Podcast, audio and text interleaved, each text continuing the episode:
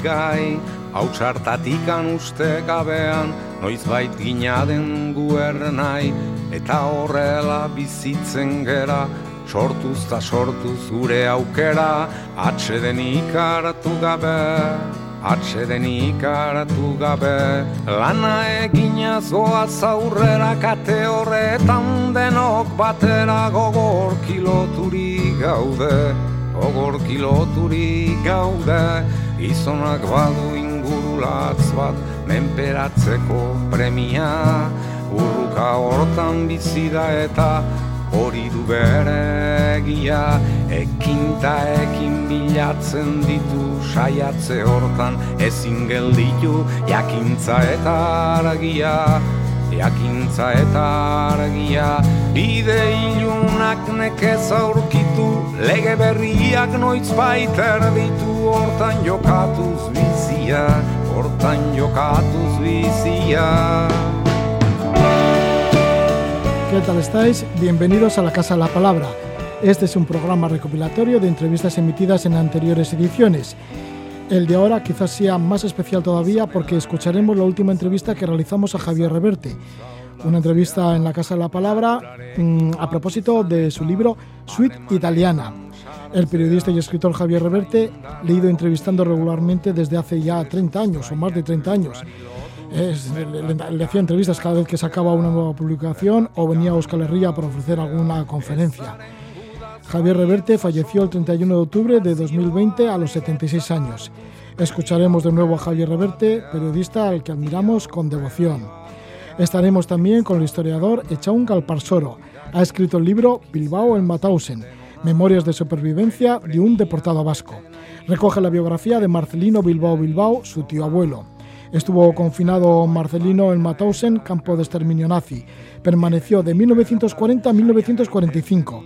Tras combatir en la Guerra Civil Española, se exilió en Francia y como otros miles de republicanos españoles, pues fueron prisioneros y enviados a realizar trabajos forzados a campos de concentración. La vida transcurría en condiciones infrahumanas, la mayoría de ellos no sobrevivieron, Marcelino Bilbao sí, y Echaun Galparsoro cuenta su increíble historia.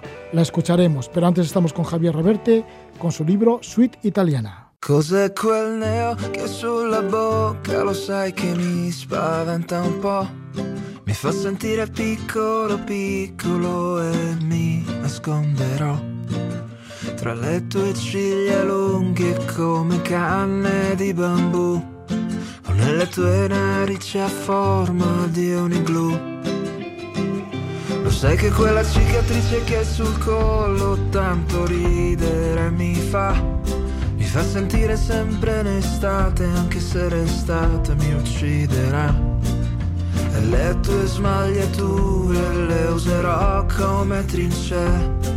Per fuggire dai nazisti un po' da me. E si spengono lampioni rimaniamo mano nella mano.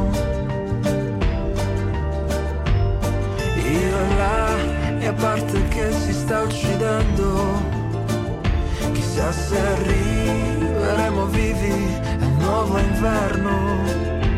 E si splengono lampioni e rimaniamo. Es el dúo italiano La Municipal con el tema I tuoi bellissimi difficili. Estamos con Javier Reverte, uno de los mayores exponentes de la literatura de viajes actual. Es un acontecimiento que se publica una novela de este periodista y escritor. Destacan sus películas africanos, que comenzó con El sueño de África en el año 1996, un texto que no cesa de reeditarse. En otras naciones viajeras, pues ha descrito navegaciones por mares polares, por ríos como el Amazonas y el Yukon. Tiene libros sobre Irlanda, China, Argelia, Grecia, así como diarios de largas estancias en Roma y Nueva York. Su nueva obra es Suite Italiana, un viaje a Venecia, Trieste y Sicilia. Esta vez es un viaje cultural, histórico y literario. Persigue el rastro de cuatro obras y los autores que la crearon. Así, La muerte en Venecia de Thomas Mann, Ulises de James Joyce, Las elegías del Duino de Rainer Maria Rilke y El gato pardo de Giuseppe Tomasi de La Pedusa. Tenemos el gusto de presentaros y de compartir con Javier Reverte. Muy buenas noches, Javier. Buenas noches, Roger, ¿qué tal? Este libro pues trata de escritores, pero también de viajes. Son compañeros de viaje los, las grandes obras que hemos nombrado y sus autores. ¿Bon ido lo leído con lo andado? Para mí sí, desde luego, desde luego. A mí uno de los impulsos que tengo para viajar es fundamentalmente ese, el hecho de que en un momento concreto haya un libro, una, novela, puede ser incluso un libro de versos, como es ahora el caso de las elegías del Duino de Rilke, que me, llaman en ese momento tremendamente para ir a los lugares donde o bien fueron concebidas o bien se desarrollan en tanto que temática. Eh, para mí el viaje es muy, muy, muy parecido a la literatura. Es un proceso, además, en el que bueno, interviene también la palabra aventura, o sea, el encuentro con lo, que no esperabas. En un viaje siempre lo más hermoso de un viaje, lo más divertido de un viaje para mí por lo menos es encontrarme con lo que no esperaba, lo insólito, lo inesperado, ¿no?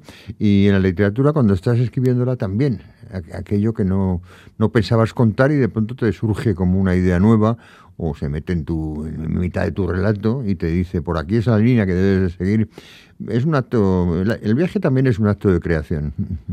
Sí, ¿y desde cuándo estaba planeado este viaje, este destino a Venecia, Trieste, Duino y Sicilia? ¿Desde cuándo estaba qué planeado? Sí, ¿cuándo lo planeaste? Eso pues de recorrer de norte a sur Italia. Es un viaje que tenía en la cabeza. Bueno, eh, conocía bastante, bastante bien eh, desde muchos años atrás Venecia. Había estado en mi vida cinco o seis veces. Eh, Venecia la conozco muy bien. No conocía Trieste, Tenía muchas ganas de ir por una serie de razones. La primera de todas es que está muy cerca el Duino, el, castillo este donde Rilke compuso sus elegías. La segunda, pues que es un, hay escritores estupendos que han, que han vivido en, en, Trieste, no solo como Joyce, sino que además que han nacido como Italo Svevo allí, o que viven allí, como Claudio Magris. Eh, me llamaba mucho la atención también la posibilidad de ir allí. Y luego Sicilia era como una especie de, de, lugar que tienes mitificado en la cabeza y algún día iré, algún día iré, pero que no acababas de ir, ¿no? Y también, también el motivo original era pues un libro, El gato pardo de, Lampedusa, que es un libro maravilloso, ¿no? Cuando llegas a Venecia piensas, ¿existe una belleza semejante? Eh, luego también comentas que Venecia representa la belleza que está más allá de toda palabra. Bueno, esto lo decía Rilke, o decía también Monet, demasiado bello para ser pintado, ¿no? Que era demasiado bella para ser pintado. Sí, y luego la pintó.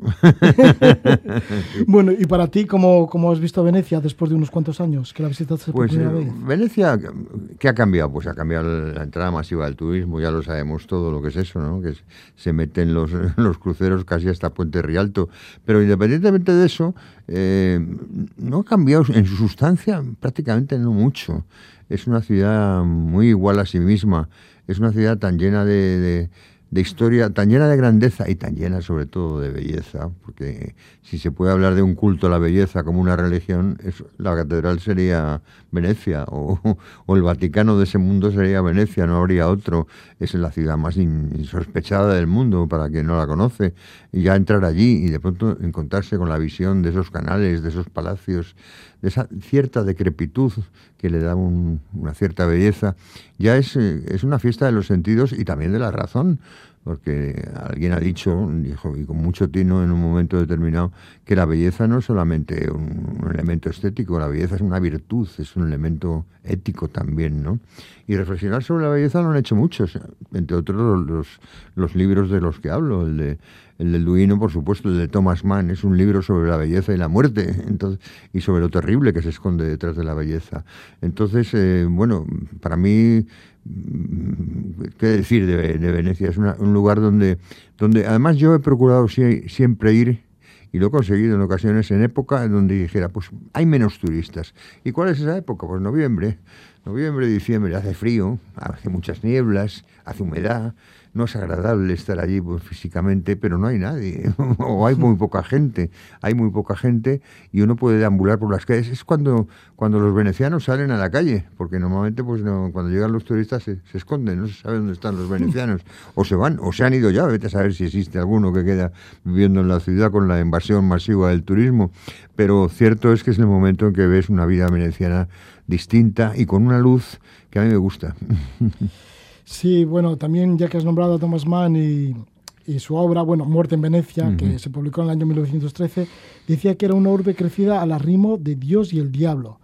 Y has hablado también que es una fiesta para los sentidos. Sí, es una fiesta para los sentidos. Eh, la historia de Venecia es una historia muy de sensualidad y de disfrute, es una historia de, de pasión, es una historia de, sobre todo eso, de disfrute de, los, sentidos. Y allí lo captas, si te das cuenta en un momento determinado, eh, te fijas, eh, es una ciudad bastante licenciosa y lo ha sido siempre históricamente, bastante licenciosa. Allí el pecado no ha sido nunca mal visto. Bueno, pues de Venecia te vas a Trieste y dices que es una ciudad fronteriza a medio camino entre el Mediterráneo y Centro Europa, ya que fue puerto del Imperio Austrohúngaro. Claro, fue el único puerto que tuvo el Imperio Austrohúngaro, que es una fue un imperio que duró mucho, mucho, mucho tiempo y, fue un imperio que durante mucho tiempo tuvo su puerto de salida al Mediterráneo, lo tuvo en Trieste. Trieste ha sido mucho más tiempo austrohúngara que italiana. Entonces, eso en que se ve, se ve en su carácter, en su carácter, eh, el carácter de la gente y se ve también en, la, en los edificios. Ahí donde te encuentras que es una ciudad pues muy germana, muy alemana, muy centroeuropea, eh, y sin embargo tiene toda la luz del Mediterráneo, tiene esa inmensa luz en un mar además ahí arriba que es muy sereno, muy tranquilo, muy recoleto, muy recogido, y, y la verdad es que mm, esa, esa mezcla entre la enorme seriedad y suntuosidad y la liviandad del aire, la, la, la, belleza del mar, pues da un contraste que la verdad que, te acaba gustando mucho. Ya, no me extraña que haya gente que se haya enamorado de, de Trieste como le pasó a James Joyce, claro. ¿Cómo se combina ese carácter ciertamente alemán pues con lo que puede ser Italia, ¿no? Con ese caos italiano. Sí, pero te lo dicen ellos. Dice, mira, yo soy austriaco y italiano.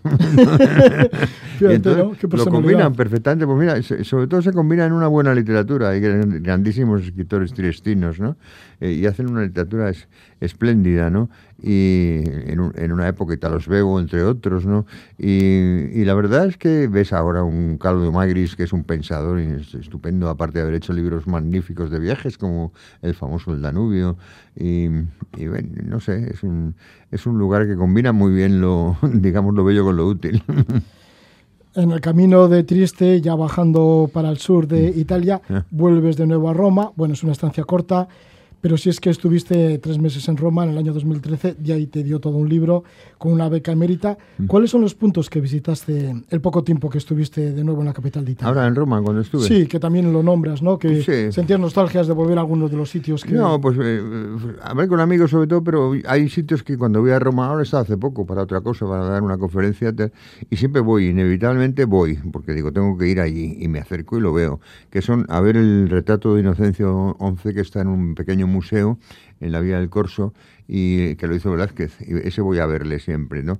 Y luego también voy al Panteón. Al Panteón me asomo siempre porque, bueno, es el único, no el único, el más portentoso de los edificios de la antigüedad clásica que quedan tal y como fueron bueno, tal y como fueron no del todo, porque las, las estatuas de los dioses paganos las tiraron y pusieron vírgenes y santos, los católicos, pero lo demás es todo clásico. Entonces, estar en un edificio clásico en pleno siglo XXI, que data del siglo I después de Cristo, pero que tiene todas las eh, características del, arte clásico, eh, la verdad es que te, te impresiona mucho. Dices, estoy en un templo romano, romano con la influencia griega, claro.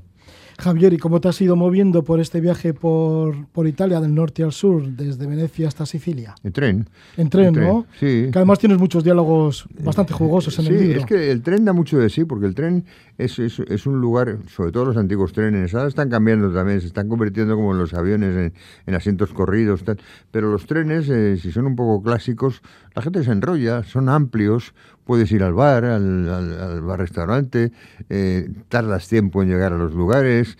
Es, la verdad es que el viaje en tren es mucho más, mucho más literario, más lento, por supuesto, pero es más humano. Entonces, eh, a mí me gustan mucho los viajes en tren y en barco. Ya, bueno, ya se ve por tus diversos libros. Javier, ¿y cómo lo haces para anotar? Porque aquí llevas un cuaderno de apuntes. Llevo un cuadernito. Siempre predispuesto, claro, siempre dispuesto. Siempre llevo un pequeño bloque en el bolsillo, pequeño, y ahí voy tomando notas constantemente, ¿no?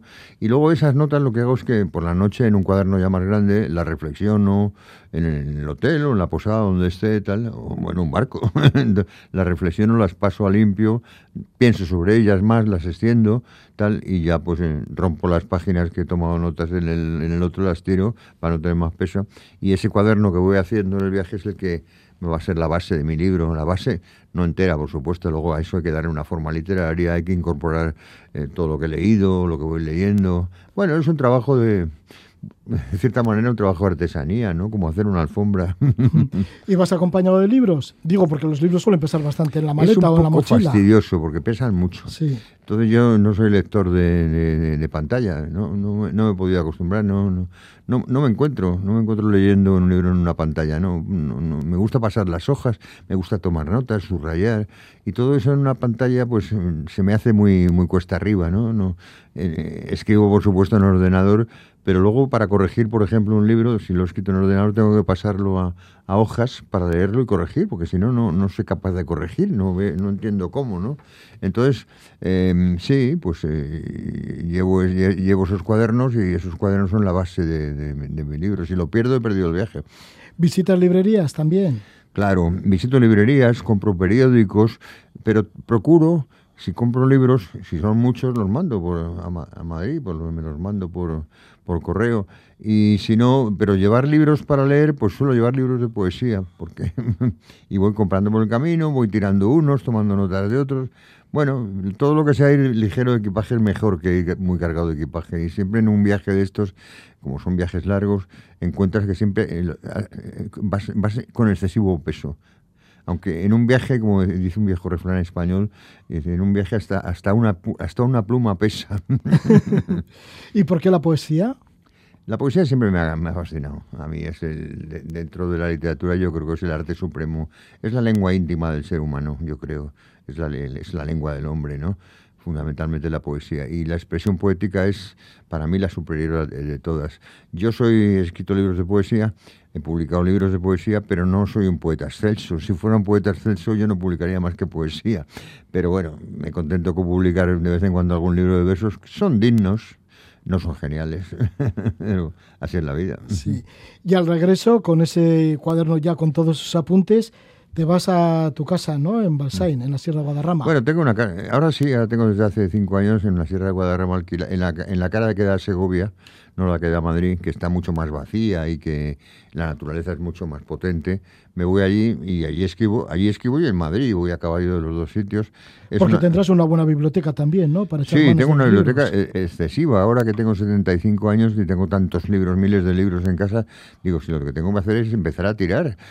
Porque ¿qué hago yo con todo este libro? Hay muchos que ya no voy a leer. ¿Y qué te dice la familia con tanto libro? Porque igual no cabe ya nadie en casa. Mis hijos ya no viven en casa, con lo cual no me dicen nada. Y mi mujer me mira y me dice, algún día tendremos que tirar. Y entonces yo le digo, venga, voy a empezar. Y cuando empiezo a partir el libro para tirarlo, me dice, hombre, si no le tires, que este libro no sé qué. Digo, pues si la que no quieres eres tú. Ya, bueno, pues tienes buena compañía respecto a los libros con tu mujer.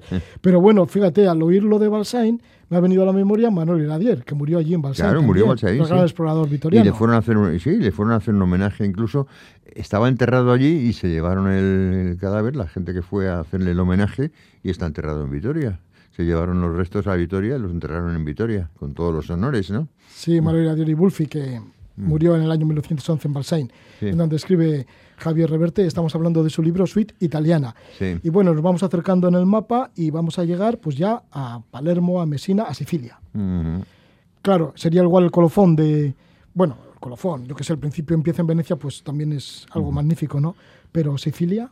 Bueno, Sicilia es un lugar... Eh, es un lugar que no hay en el mundo. Es, eh, es, una, es la isla más grande del Mediterráneo, pero aparte de eso, es que han pasado prácticamente todas las civilizaciones europeas han pasado por allí menos los ingleses, que estuvieron sí con los americanos en la invasión de la isla para echar a Mussolini y a los nazis, menos ellos, los demás han, han estado dominando la isla, los franceses, los españoles, los aragoneses, los, eh, eh, los árabes, los romanos, los griegos, los normandos, la lista es, es enorme. Y todos han dejado su impronta, su impronta en esa isla, han dejado edificios, por supuesto, han dejado eh, teatros y han, dejado parte de su carácter. Así que el carácter siciliano es un, carácter distinto al resto de las, de las ciudades y de las patrias italianas. Italia tiene eso, que es un, un país nacido anteayer, como quien dice. O sea, Italia, la unificación de Italia se produce en 1860 y tantos, creo, más o menos, pero no antes. Hace siglo y medio. Y entonces, eh, hasta entonces eran ciudades-estado, ciudades-estados y patrias distintas. Entonces, tenían un, un elemento más o menos en común, que era el italiano antiguo que manejaban, pero es un país lleno de, dialectos y de lenguas distintas y de caracteres distintas. ¿En qué se parece un milanés a un siciliano? En nada, prácticamente en nada. No tiene nada que ver el milanés con el siciliano. Son muy diferentes, ¿no? Ni el siciliano tiene nada que ver con el romano. Y todo eso pues le da concretamente a Sicilia le da un carácter muy muy peculiar, muy propio eh, entre fatalista y, orgulloso. Es, un, una tierra de gente bastante orgullosa y, bastante fatalista, porque siempre ha sido invadidos, es el país de las mil invasiones, ¿no? Y, siempre ha habido, siempre han tenido un dueño exterior prácticamente hasta que Italia se unificó, ¿no? Comentas en el tema del fatalismo que igual viene del carácter que dejaron allí los españoles. Bueno, también estuvo la corona de Aragón y demás, ¿no? ¿Eh? eh no, el carácter ese fatalista que igual viene de la época de los españoles. Pues yo no sé, porque... Digo, con esto de la muerte, que luego eh, también lo bueno, trasladaron hay mucho a México. culto a la muerte, eso parece bastante Por eso, por culto a la muerte. Luego hay procesiones, es un país que hay procesiones que que no, las hay en, toda Italia nada más que allí. Hay procesiones en Semana Santa, como las españolas, ¿no? Hay... Hubo toros hasta el siglo XIX. Ahora ya no hay toros, ¿no? Pero hubo toros, o sea, había corridas. O sea, bueno, toda, eh, toda esa parte de, Italia, el sur de Italia, la, fue española, el reino de las dos Sicilias. Igual que siglos antes había sido griega, la Magna Grecia, ¿no? la mafia está muy presente, tanto en el presente como también del recuerdo del pasado. Sí, sí, la mafia está muy presente, aunque ya no tiene la fuerza que tenía, porque la sacudieron un poquito. Eh, digamos que el poder mafioso para ha pasado más a Reggio Calabria y a, y a, y a Nápoles, ¿no? pero fue terriblemente fuerte y es una historia sangrienta, terrible y fue una organización, es una organización porque todavía sobrevive, es una organización criminal brutal, ¿no? O sea, la mafia es, horrorosa, no sabemos bien lo que es, ¿no? Y eso que yo no la he investigado, pero he leído mucho sobre ella, en el libro hablo sobre ella, por supuesto, y es terrible las, las la crueldad con la que viven. ¿no? Y Sicilia es el más azul de todos los azules del mundo, que eso también dice. en el libro. eso dice. El mar es el azul más azul de todos los azules del mundo, eso dicen, sí. Pero bueno, a mí me pareció muy azul, la verdad. Bueno, también comentas esto en las primeras páginas que ibas con la idea de que podía ser uno de tus últimos viajes de esos que tomas la mochila y te vas sin preocuparte en exceso por lo que dejas atrás. Sí, porque pasaba una época de salud un poco precaria. Había tenido problemas de salud y estaba un poquito deprimido, no, porque no soy depresivo, pero un poco diciendo, bueno, pues ya me tengo que parar un poquito, de, dedicarme a otras cosas, tal, a la poesía lírica, yo qué sé, algo así. Y, pero bueno, ese, ese viaje me, me dio fuerza, pero me recuperé más o menos bien y, bueno, pues ahora me fui a otro viaje largo y bueno, estoy muy animado a seguir haciendo la vida que hacía hasta que dure. Sí, que te fuiste a Italia y bueno, y recientemente acabas de llegar ahora de, Irán. Hace dos meses y pico que he regresado de Irán. He estado tres meses, digo, perdón, he estado un mes y pico entre Turquía, Irán, sobre todo en Irán, más que en Turquía, y Oman. En Oman estuve apenas cuatro días, ¿no? Pero pero veintitantos días estuve en, en Irán me ha parecido un país maravilloso, mm. por la gente. ¿eh? Luego, el sistema político, mira, hay las películas. Ya. Vendrá seguramente un libro, ¿no? Sobre Hombre, claro, yo viajo para eso. ya, bueno. Y es que también dices que eres consciente de que la vida se va escapando y sin embargo el viaje te hace recuperar el aroma de la juventud perdida, que igual también por eso viajas. Claro, porque es una razón para viajar, una de tantas, ¿no? Pero desde luego lo es, porque en, en un viaje coges la mochila, como yo los hago, te vas mundo adelante, todo es imprevisto, todo es nuevo. Eh, con tus ojos como se vuelven, como los ojos de un niño. los, ojos de los ojos de alguien curioso que no conoce lo que ve y está averiguándolo y descubriéndolo. Y entonces eso te da muchísima juventud, pero muchísima, y te da mucha marcha vital, muchísima. Yo siempre que, ya, ya te digo, con la edad que tengo, tengo amigos que, que están un poco deprimidos, así apartados de todo, uno, y ya te dicen a nuestra edad, no sé qué, y yo les digo, vete viaje solo date una vuelta, pero aunque sea, yo que sé, a, Tolosa, vete, vete una semana, vete solo, vete solo, date una vuelta por allí, ve por las tabernas, visita a la gente, habla con la gente. Digo, te, te, va a dar, porque te va a dar una vitalidad enorme, es un remedio contra la depresión estupendo, el viaje solitario. ¿Por qué en solitario? ¿Por qué solo? Porque en solitario vas más abierto al mundo.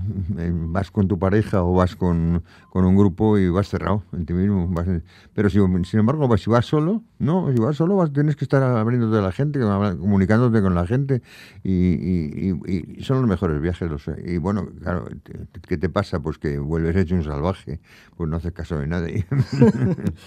Recientemente le entrevisté a Víctor López porque ha escrito la primera biografía sobre Ah. tu amigo, tu gran amigo Manu Liguineche. Manu, Manu Liguineche, el jefe de la tribu, si se llama, el prólogo lo haces tú mismo. ¿Tienes nostalgia de, De Manu, de esa mucha. tribu? De- bueno, de Manu, por supuesto, ¿no? Pero también de la tribu que formabais. Bueno, de yo los no- corresponsales yo- que vais hablando. Yo, yo no era de la tribu. La tribu es un nombre que dio Manu a los corresponsales de guerra. Y yo no he sido nunca, he ido a guerras y he sido corresponsal de guerras en tres o cuatro, pero no he Bueno, sido... que has sido corresponsal también. en También sí, sitios. corresponsal extranjero y he ido a tres o cuatro guerras, pero no me siento ligado eh, a la figura del corresponsal de guerra. A mí no me gusta esa figura y no la interpreto. Yo no soy eso, ni quiero serlo, ¿no? Me parece que, pero no, no desprecio a quien no sea, que cada cual elija la medida que... Y a Manu es lo que le fascinaba, por ejemplo, ¿no? Y entonces él fundó la tribu, que eran los que iban a las guerras, pero yo no estaba en la tribu, ni quise estar nunca. no. Bueno, la tribu que luego se convirtió también en una novela, la única novela de Manu. Es la única Liguineche. Manu que, que hizo, sí, la novela que hizo Manu. La única en Guinea transcurre. Bueno, pero bueno, formáis parte de una generación de periodistas que es inolvidable. Sí, bueno, de una generación que tuvo mucha suerte también. Co- coincidimos en un tiempo en el que la prensa tenía dinero, los dueños de la prensa se lo querían gastar, además, en, se lo querían gastar en, reportajes, sobre todo, en aventura, en contar historias. Ahora no, ahora se lo gastan en opinión. Ahora la prensa está llena de opinadores, pero no hay gente que te relate historias, eh, prácticamente muy poquita. Pues no, las historias no interesan, interesa la opinión del fulanito o menganito, que, pues el coronavirus es, no sé qué, yo creo que le va a producir una crisis económica, bueno, y a mí que me importa lo que usted opine. A mí no me opinan, eh, no me gusta, las opiniones no me gustan ni las mías.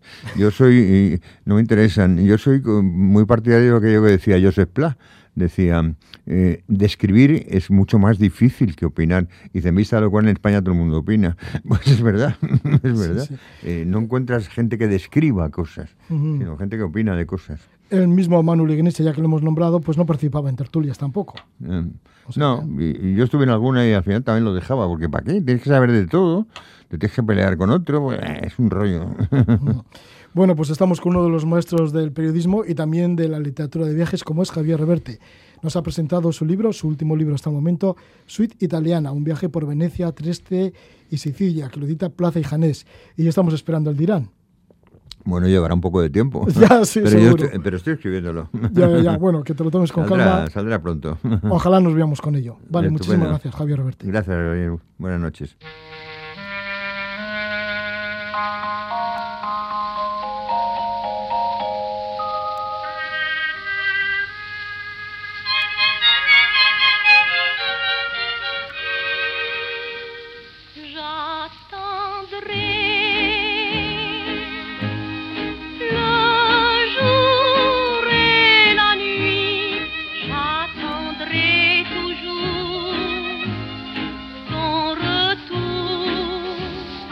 Es la cantante Rina Ketty interpretando Ya Tandré, una canción muy popular en los años de 1940.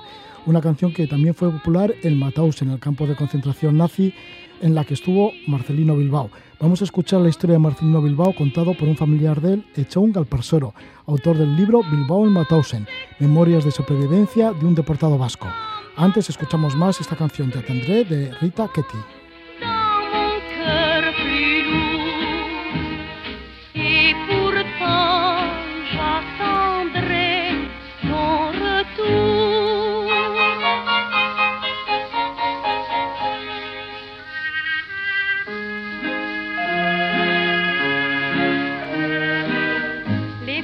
Pâlissent, le feu s'éteint, l'ombre se glisse dans le jardin, l'horloge tisse des sons très lents, je crois entendre ton pas.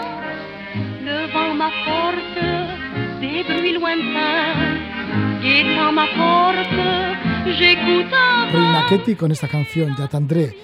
Y vamos a estar con el Donostiarra historiador Echón Galparsoro ha recogido las memorias de Marcelino Bilbao, un joven de vida azarosa que fue prisionero en Mauthausen entre 1940 y 1945.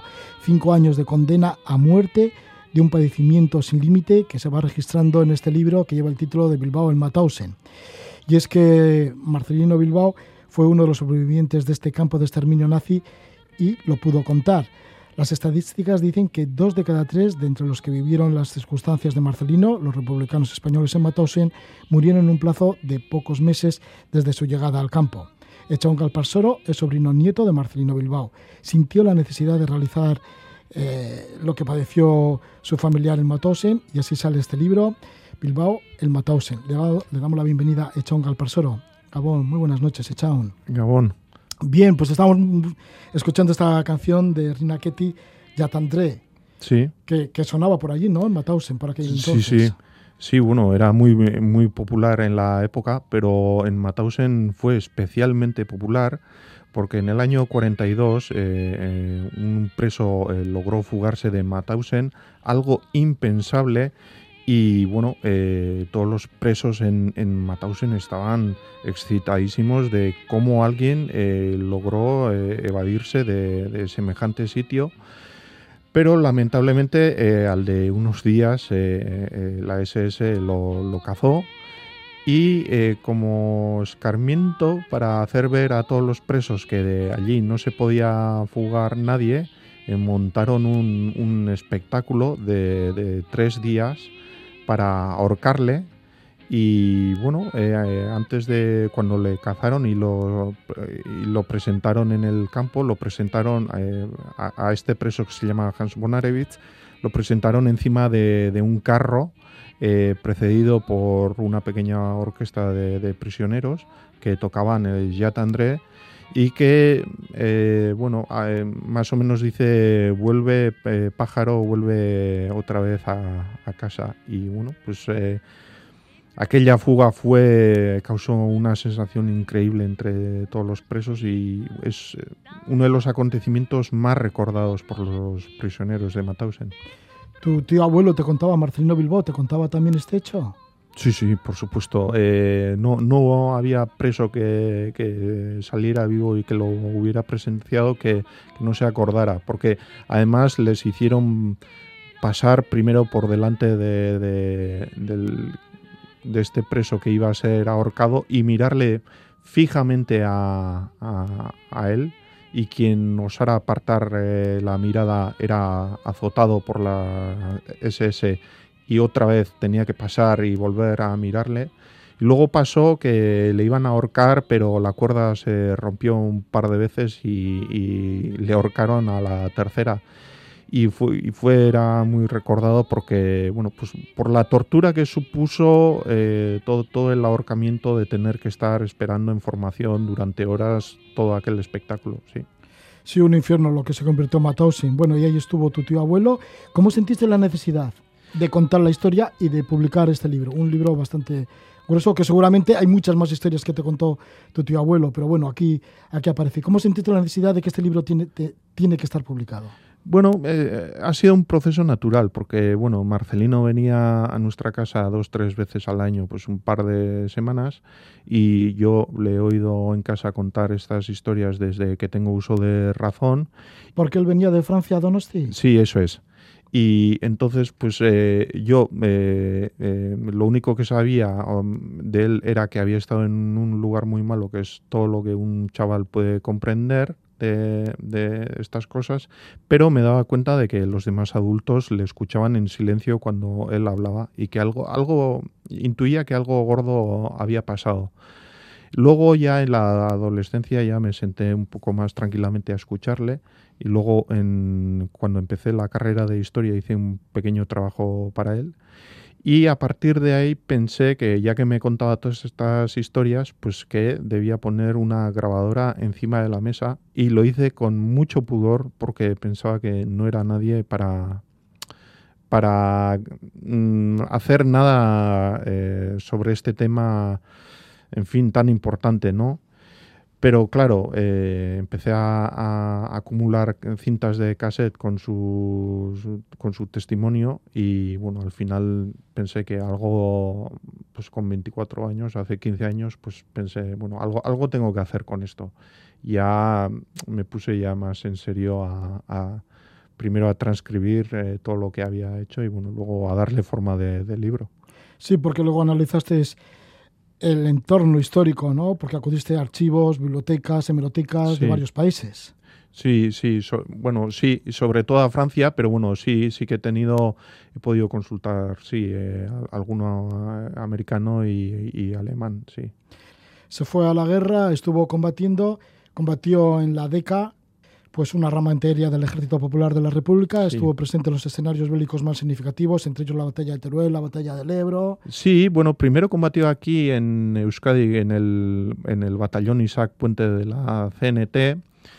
Hizo pues lo eh, pues eh, casi todas las batallas de aquí, pues eso, que si, que si el Inchorta, Sollube, etcétera, estuvo en el cerco de Oviedo bueno, luego cuando cae Euskadi se pasa a Cantabria, que entonces se llamaba Santander, eh, eh, Asturias, en Asturias la batalla del Mazuco, que fue muy, muy renombrado, y de ahí cuando el frente norte desaparece, eh, logra escapar en barco a, a, Burdeos, y de Burdeos se va a Cataluña, y en Cataluña la República, como tiene experiencia militar, eh, le, nombran teniente de una ametralladora de antiaéreos y como bien dices, pues combate en, las batallas más, más significativas como el de Teruel o el Ebro, hasta que en febrero del 39 tiene que marcharse al exilio cuando Franco conquista Cataluña.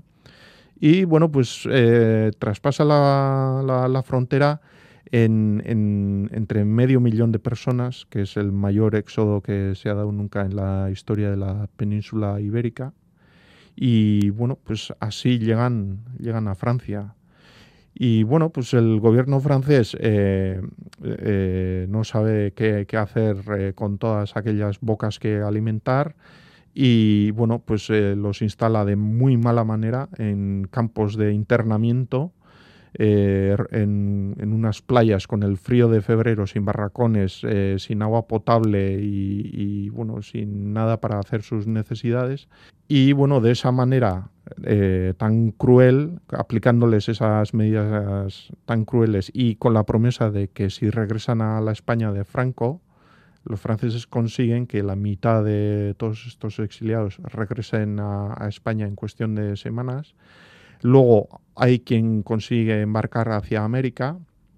Eh, también los franceses, como intuyen una nueva guerra, ponen a, los republicanos españoles, les ofrecen trabajar como mano de obra barata en las empresas eh, francesas. Y cuando ya se inicia la Segunda Guerra Mundial, porque Alemania ha invadido Polonia y Francia y Alemania están técnicamente en guerra, los llevan eh, los franceses llevan a todos estos republicanos españoles voluntariamente o por la fuerza al ejército francés para repeler una posible agresión de la, de la Wehrmacht. Y bueno, pues eh, en mayo-junio del 40 eh, los alemanes entran como les da la gana a través de Bélgica, Holanda, en Francia y apresan a un par de millones de prisioneros y entre ellos hay eh, miles de republicanos españoles y, un, aproximadamente un centenar de vascos y bueno, entre ellos Marcelino. Marcelino Bilbao, que bueno, pues estuvo trabajando también en la línea Maginot, haciendo trabajos forzados allí y luego llega a Mauthausen el 13 de diciembre de 1940. Marcelino sabía que iba a un campo de concentración, a un campo de exterminio nazi. No, y decía que si, la, que si lo hubieran sabido, se la hubieran jugado antes. En el tren o sí que hubieran hecho, que hubieran intentado lo que sea. Ya, ¿y qué pensaban? ¿A dónde se dirigían? Pues les hicieron creer al principio que eh, la Gestapo hábilmente, cuando estaban encerrados en, en los Stalag, que son los digamos, campos de concentración, pero militares, donde más o menos eh, la Convención de Ginebra se, se, respetaba. El gran público los conocerá por la película La Gran Evasión. Cuando estaban allí, la Gestapo hábilmente hizo correr el rumor de que los trasladarían a París a trabajar, a ocupar los puestos de trabajo que los franceses habían abandonado para ir al frente. Se extendió ese rumor y bueno, ellos creían que, pues, que ese sería su, su destino y se encontraron con, algo que, vamos, que no tenía absolutamente nada que ver. Ya, el infierno, o peor todavía que el infierno. Sí, sí, eh, un infierno total, o sea... Ya, porque nada más llegar les exhibieron cadáveres de sus compañeros, también les hicieron desnudarse para que se desinfectaran y estaban allí desnudos con el frío, el viento, el viento que llegaba de los Alpes. Sí, eh, pero cuando decimos frío es 20 grados bajo cero y, estaban en pelotas y bueno, pues sí, los hicieron ducharse, pero ducharse eh, eh, decía que primero les metieron agua congelada, congelada, que de allí no había quien, quien, quien pudiera aguantar aquello. De hecho, un, un compañero eh, español trata de salirse de las duchas y los capos le meten tal viaje que, lo asesinan. Y, luego les meten una agua hirviendo que, les abrasa. Así que sí, sí, unas condiciones extremas de una bienvenida apoteósica que decía él. Apoteósica, sí. Y luego le dieron el número 4628 con el que quedaría registrado y era un número que solo tenía que aprender en alemán.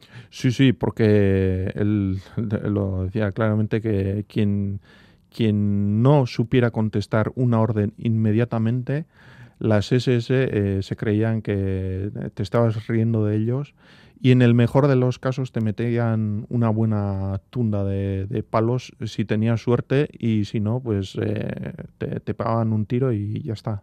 Después de esa ducha apoteósica y de y de que estaban ya desinfectados, les dieron trajes usados a rayas que estaban sucios y asquerosos, así aparece en el libro. Sí, y además estaban... Con orificios de balas. Eso orificios es. que eran de balas, ¿no? Eh, eso es, efectivamente. Con eso ya era el traje que tenían que estar todos los días y encima les llevaban a barracones, barracones que estaban repletos de piojos. Sí, decía además que nada más que entrar, eh, nada más entrar allí, de repente encima del armario vieron que algo se movía y, que era una pasada cómo se movía y mirando, mirando, mirando qué era y era un jersey que parecía que se movía a causa de, de, lo infectado que estaba de, piojos.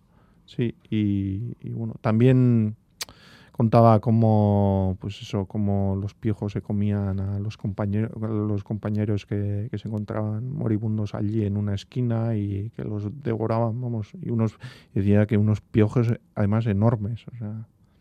Además tenía que trabajar todo el día, me imagino que de sol a sol o más todavía en, la cantera. Sí, porque. Trabajos forzados. Sí, porque nosotros, eh, los campos de concentración, normalmente cuando hablamos de ellos, eh, de los campos nazis, eh, solemos asociar el exterminio de la cámara de gas, pero esto no es exacto, hay que matizarlo.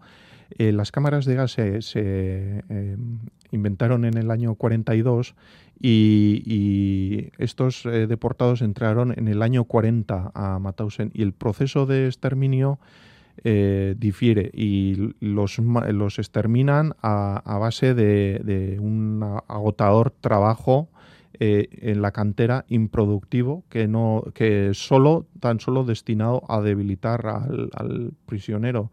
Y eh, pues eso con, un, con una especie de pijama y con el frío de los Alpes a 20 bajo cero que, que estas personas pasaban en cuatro, eh, cuatro o seis meses de estar normales a, morir eh, por agotamiento.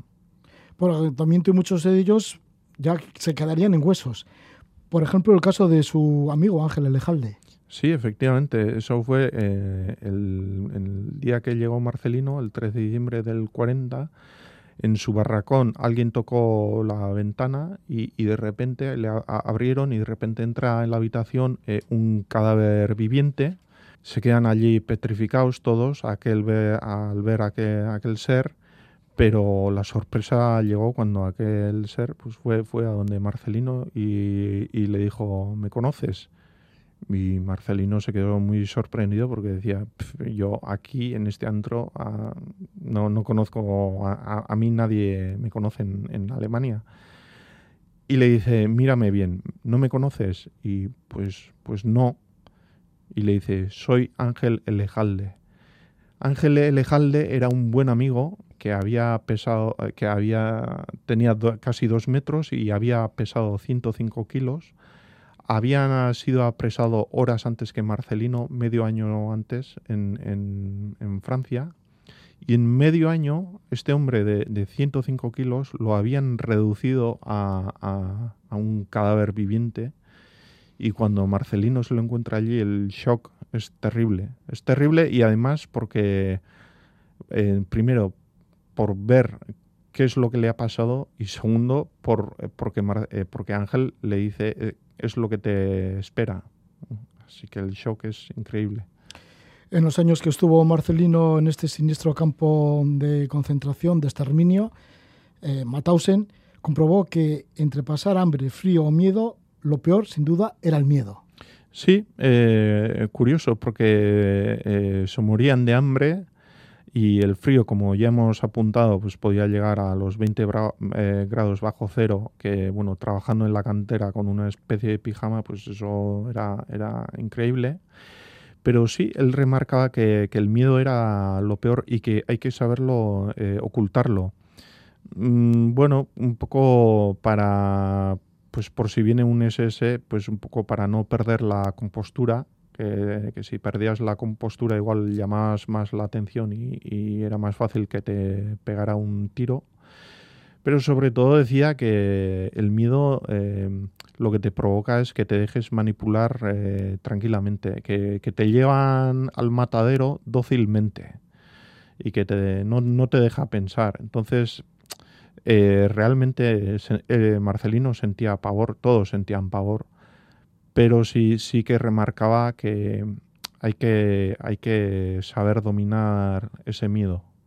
Su primer día trabajando en la cantera también fue terrible, porque le pegaron un golpe, pero vamos, le dieron un golpe tremendo, que cayó al suelo, hacía muchos grados bajo cero y la sangre se iba, bueno, pues iba congelando. Y el que yo quedó allí desmayado. Sí, además eh, se lo pegó Otto, que era un cago que había que estaba allí por matar a su padre y a su madre. Y bueno, sí, estuvo a punto de, fallecer, sí. o sea, le mandaron a este de cabo porque era un asesino total. Sí, sí, claro, porque tenemos que tener en cuenta que en Mauthausen eh, se encontraban eh, los delincuentes comunes eh, y estaban como jefes de los demás prisioneros y eran los encargados de reprimir, de matar, de hacer la labor sucia a las SS. O sea, las SS sí que mataban y sí que desenfundaban la pistola fácilmente, pero la mayoría de, las, de los asesinatos eh, eh, los, eh, corrían a cargo de, estos cabos. ¿Cómo terminó salvándose Marcelino después de tantos años? Porque ya hemos dicho que uno de cada tres no salió de allí. Sí, bueno, hay un... Uno de cada tres presos. Sí, hay un... Republicanos españoles un factor determinante y, es el azar. Eso eh, tanto Marcelino como su cuñado José María Aguirre eh, lo, remarcaban bien claro. ¿eh? Allí no había ningún otro factor que, que el pura suerte. Y bueno, luego a partir de ahí sí que pudo haber otros factores secundarios, pero ya son muy secundarios. jugar al fútbol o porque era muy buen jugador de fútbol. Sí, era muy buen jugador eh, de fútbol, muy, muy seguidor del Atleti de, Bilbao. Y sí, pues eh, eh, los republicanos españoles organizaron una liguilla en, en Mauthausen, algo impensable en la historia de los campos de concentración, tan impensable que otros deportados de otros campos no, no se lo creyeron años después, pero sí, se organizó una liguilla Marcelino destacó jugando al fútbol. Bueno, esto le valió un una momentánea popularidad que se tradujo pues en menos golpes, eh, algún pedazo de pan y tal.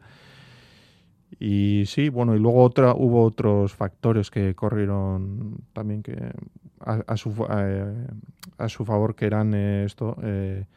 Bueno, él participó en el mercado negro de, los capos que estaban esto al mando de los demás prisioneros. un mercado negro que eh, en el que estaba implicado un SS y, bueno, eh, a cambio de participar en, este los chanchullos, pues eh, dejaron de, pegarle palizas o, de, matarle. Y luego también hubo un tercer factor a partir del año 43, que es que los republicanos españoles organizaron eh, pues una, la resistencia y bueno, pues él tomó parte en esa red de resistencia. Esto es parte de la lucha de Marcelino Bilbao Bilbao en este campo de exterminio, el campo de Mauthausen, que se encuentra cerca de Linz, mm. En Austria, antes Alemania, y lo está narrando pues su sobrino nieto, Echaun Galparsoro, que es donostiarra, es historiador, y desde pequeñito le fuiste preguntando a tu tío abuelo les estuviste preguntando un poquito los sucesos que, que él vivió durante tanto en la guerra española como luego en este campo de exterminio de Mauthausen. Ya cuando te hiciste historiador, fuiste grabando muchas más, más sus memorias, muchas horas, muchísimas horas. Luego acudiste a los archivos para cotejar un poquito todo lo que te había comentado Marcelino Bilbao para saber un poco el contexto histórico y de ahí nace este libro Bilbao en Mauthausen, Memorias de, un, de supervivencia de un deportado vasco. Echaun Galparsor ahora está con nosotros y le agradecemos muchísimo que nos cuente la historia que se encuentra en este libro. Claro, que todavía das razón de muchos más hechos. Sí, Esto solo ha sido una pequeña pincelada. Sí, sí. Y luego tengo otro, otro libro en el cajón que, que es eh, su, la primera mitad de, de, su, de su vida. Sí, así que bueno un libro que nos sirve también de aprendizaje. Sí, para saber hasta dónde puede llegar el, autoritarismo. Sí, eso es. Eh, se, pretende dar, sí, unas pinceladas en esa dirección, sí. Muchísimas gracias, Echongal, por por estar con nosotros. El libro Bilbao en Mauthausen lo edita Crítica. Hasta pronto, chao. Milles Esta entrevista con el historiador Echaun Galparsoro se emitió por primera vez en la Casa de la Palabra el 30 de enero de 2020. Vamos a escuchar a Bernardo Lancetti, ya que hemos empezado con Javier Reverte, que nos ha llevado por Italia. Vamos a ir con este clásico cantante italiano de rock, cantante que en otro tiempo estuvo en el célebre grupo de rock progresivo Premiata Forniera Marconi. Sigue editando discos en solitario, este es del año 2021 y escuchamos el tema Tiny Skin. Que vaya todo bien, que disfrutéis.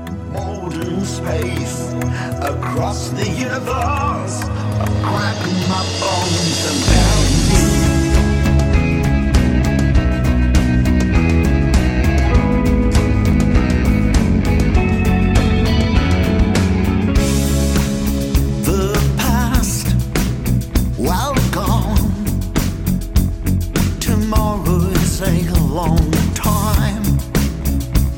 Frustration now, it's all that we've got. You're the echoes of our own.